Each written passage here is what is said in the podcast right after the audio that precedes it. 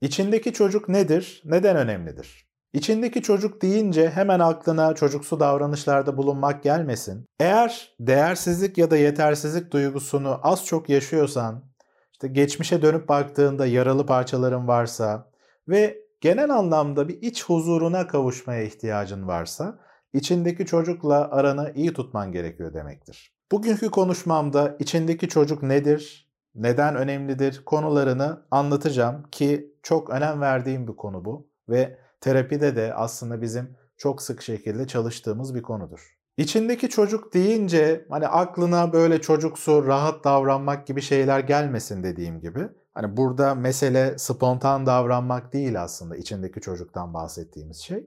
İçindeki çocuk yetişkinlikten önceki öğrendiğin şeyleri içeren parçan aslında. Hani içindeki bir nevi bir insan. Geçmişteki bu yaşantılardan öğrendiğin şeylerin hafızasını tutan, senin düşüncelerini, duygularını, davranışlarını, aldığın kararları doğrudan etkileyen tarzda bir birey aslında, içinde yaşayan bir birey. Şimdi buna farklı isimler verilebilir, farklı kavramlarla bu olgu anlatılabiliyor. Yani buna bilinç dışı da diyebilirsin belki ama tam olarak temsil etmiyor aslında.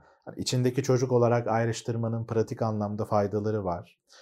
Aslında transaksiyonel analiz yaklaşımında bu konular güzel şekilde anlatılıyor. İşte içimizde bir çocuk tarafımız var, yetişkin tarafımız var ve ebeveyn tarafımız var deniliyor. İşte çocuk tarafımız bizim temel ihtiyaçlarımızı temsil ediyor. Ebeveyn tarafımız kuralları temsil ediyor. Gerçek hayattaki, dışarıdaki kurallar. Yetişkin tarafımız da temel ihtiyaçlarımızı bu kurallar karşısında bir şekilde gidermeye çalışan, hani belli yollar bulmaya çalışan bir tarafımızı temsil ediyor. Psikanalitik yaklaşımda da id, ego, süperegoya benzetebiliriz bunu. Bu arada çok teknik tabirlere giriyor olabilirim belki şu anda. Hani çok fazla burayı uzatmayacağım. Sadece beni birçok meslektaşım da dinlediği için, hani birçok meslektaş takipçimde olduğu için hani onların da biraz daha bağ kurabileceği birkaç içerikten bahsetmek istedim. Peki konumuza geri dönelim. Şimdi dedik ya içimizde çocuk, yetişkin ve ebeveyn parçaları var. Şimdi biz dünyaya geldiğimizde hani çocuk olduğumuzda daha sonraki süreçte sonuç olarak o yetişkin ve ebeveyn parçaları içimizde yok. Sadece çocuğuz. O yüzden de ebeveyn ve yetişkin parçaları bizim dışımızda aslında. Biz daha sonra bu parçaları içselleştiriyoruz. İçimizde zaten çocuk parçamız var. Ve e, bu yetişkin ve ebeveyn parçaları bizim dışımızdaki ki ebeveynlerimizden tabii ki bunu alıyoruz. Nasıl hareket ettiyse onların kalıplarını aslında bir nevi içselleştiriyoruz. Mesela işte ebeveynlerin el alem ne der önemlidir, işte diğerlerinin düşüncelerini önemsemelisin gibi kurallar koyduysa, böyle hareket ettiyse, hani karşında böyle bir yetişkin figürü gördüysen, yani kendi ihtiyaçlarını karşılama konusunda işte diğerlerinin düşüncelerini de önemseyip ona göre hareket ettiğini gördüysen, yani anne babanın yetişkin parçalarının böyle hareket ettiğini gördüysen aslında bunu öğreniyorsun. Yani çocuk olarak aslında bunu öğreniyorsun. Ve bu öğrendiğin şeyler bir yerlerde oturuyor. Hani çocukken de öyle hareket etmeye çalışıyorsun. Bir noktadan sonra da tabii ki yaş büyüyor, büyüyorsun, yetişkin haline geliyorsun ve yetişkin parçan da aslında içselleşmiş oluyor kendi içinde. Şu anda beni dinlemeni sağlayan da aslında yetişkin parçan. Hayatında bir şeylerin yolunda gitmediği ya da hani genel anlamda aslında şükredilecek bir yaşamın olsa bile bunu dolu dolu yaşayamadığını, belli sıkıntıların olduğunu görüp aslında hani bir titre kendine gel bir şeyler yap diyen bir parçan var içinde. İşte bu yetişkin parça aslında senin iyiliğini istiyor.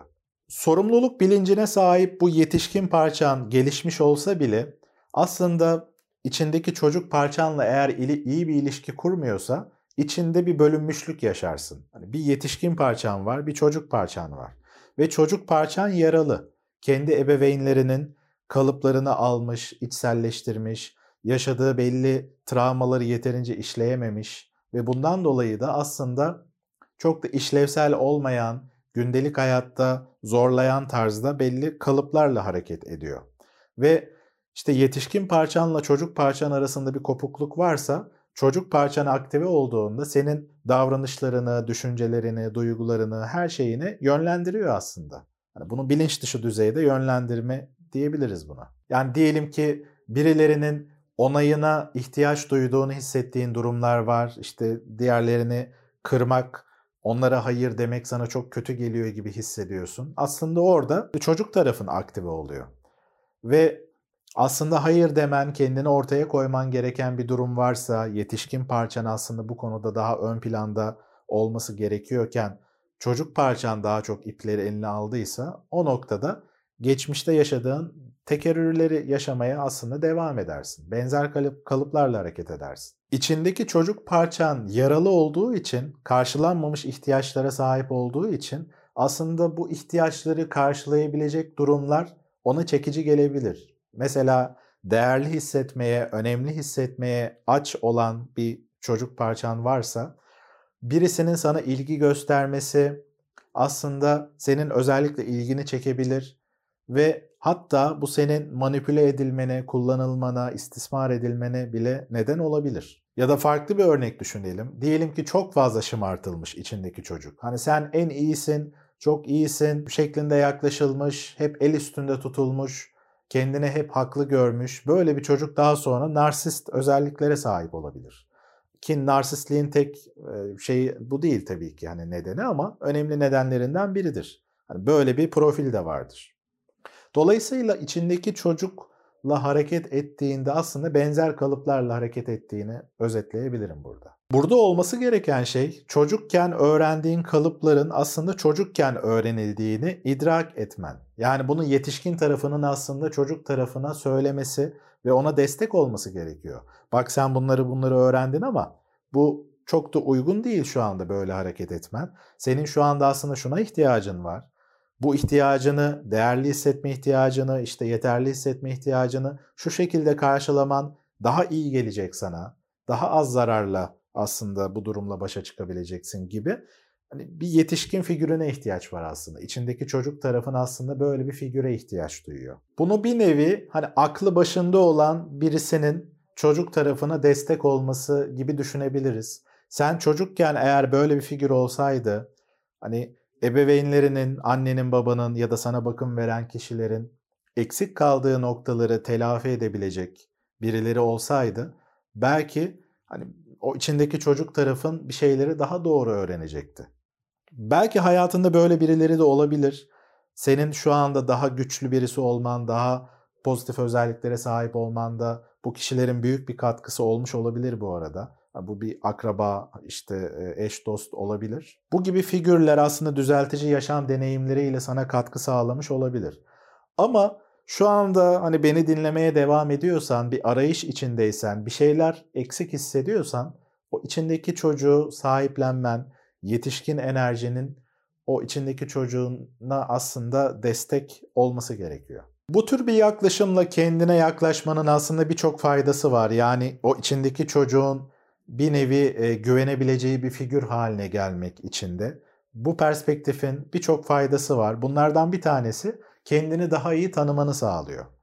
Sonuç olarak içindeki çocuk geçmişten belli kalıplar öğrendi. Belli kararlar aldı ve bu kararlarla aslında hareket ediyor. İşte kimseye güvenmeyeceğim, diğer insanlar benim ihtiyaçlarımı karşılamaz, benim kendi kendime yapmam gerekiyor bir şeyleri ya da işte onaylanmam lazım, takdir edilmem gerekiyor, kendi kendime yapamam, kendi kendimi değerli, yeterli hissettiremem gibi kalıplar var belki de.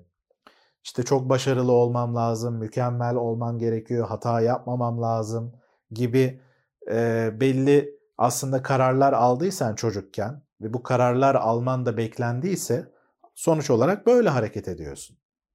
Şimdi sen içindeki çocukla temas kurdukça onun aldığı bu kararları daha net bir şekilde de aslında görebilmeye başlıyorsun. Yani kendini daha iyi tanımaya başlıyorsun.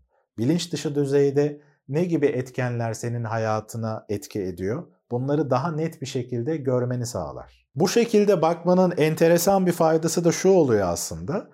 Hani çocuk tarafınla baktığında yani benim içimdeki çocuk tarafım çocukken bu kararları almış şeklinde baktığında şöyle bir konu gündeme geliyor.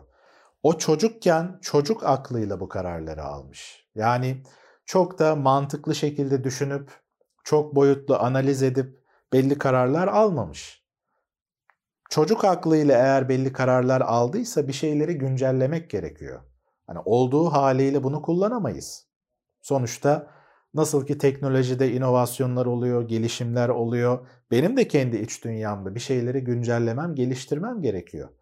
Öbür türlü çağ dışı kalıyor. Şu anki koşullarıma uygun gelmiyor. İşte içindeki çocuk perspektifiyle bakınca böyle e, bir yaklaşımda bulunmak daha da kolaylaşıyor. İçindeki çocuk perspektifiyle bakmanın diğer bir katkısı da aslında kişisel gelişimini daha çok ciddiye almanı sağlaması. Sonuç olarak çocuklara şefkat göstermek daha kolaydır. Hani içindeki çocuk tarafınla baktığında, hani çocuk halini düşündüğünde ona karşı şefkat göstermek, onu daha çok sahiplenmek, sarıp sarmalamak daha kolay oluyor. Böyle bir refleks içinde ortaya çıkabiliyor. Ben bir daha aynı acıları yaşamasına seyirci kalmayacağım demeye başlarsın. Ve bu yüzden de eski kalıpların akışına bırakmak yerine daha çok sorumluluk almaya başlarsın. İçindeki çocuk acı çektiğinde, birisi bir şey söylediğinde sana ve içindeki çocuğa dokunduğunda o içindeki çocuğu daha verimli bir şekilde sahiplenip aslında onu korumaya başlarsın. Ve tüm bunları yapmak aslında duygularınla temas etmeni de kolaylaştıracaktır ki bu psikolojik güçlüklerle başa çıkmada, kendini tanımada, iç huzurunu yakalamanda çok çok önemli. Kendi duygularının farkında olursan neye ihtiyaç duyduğunun da farkında olursun.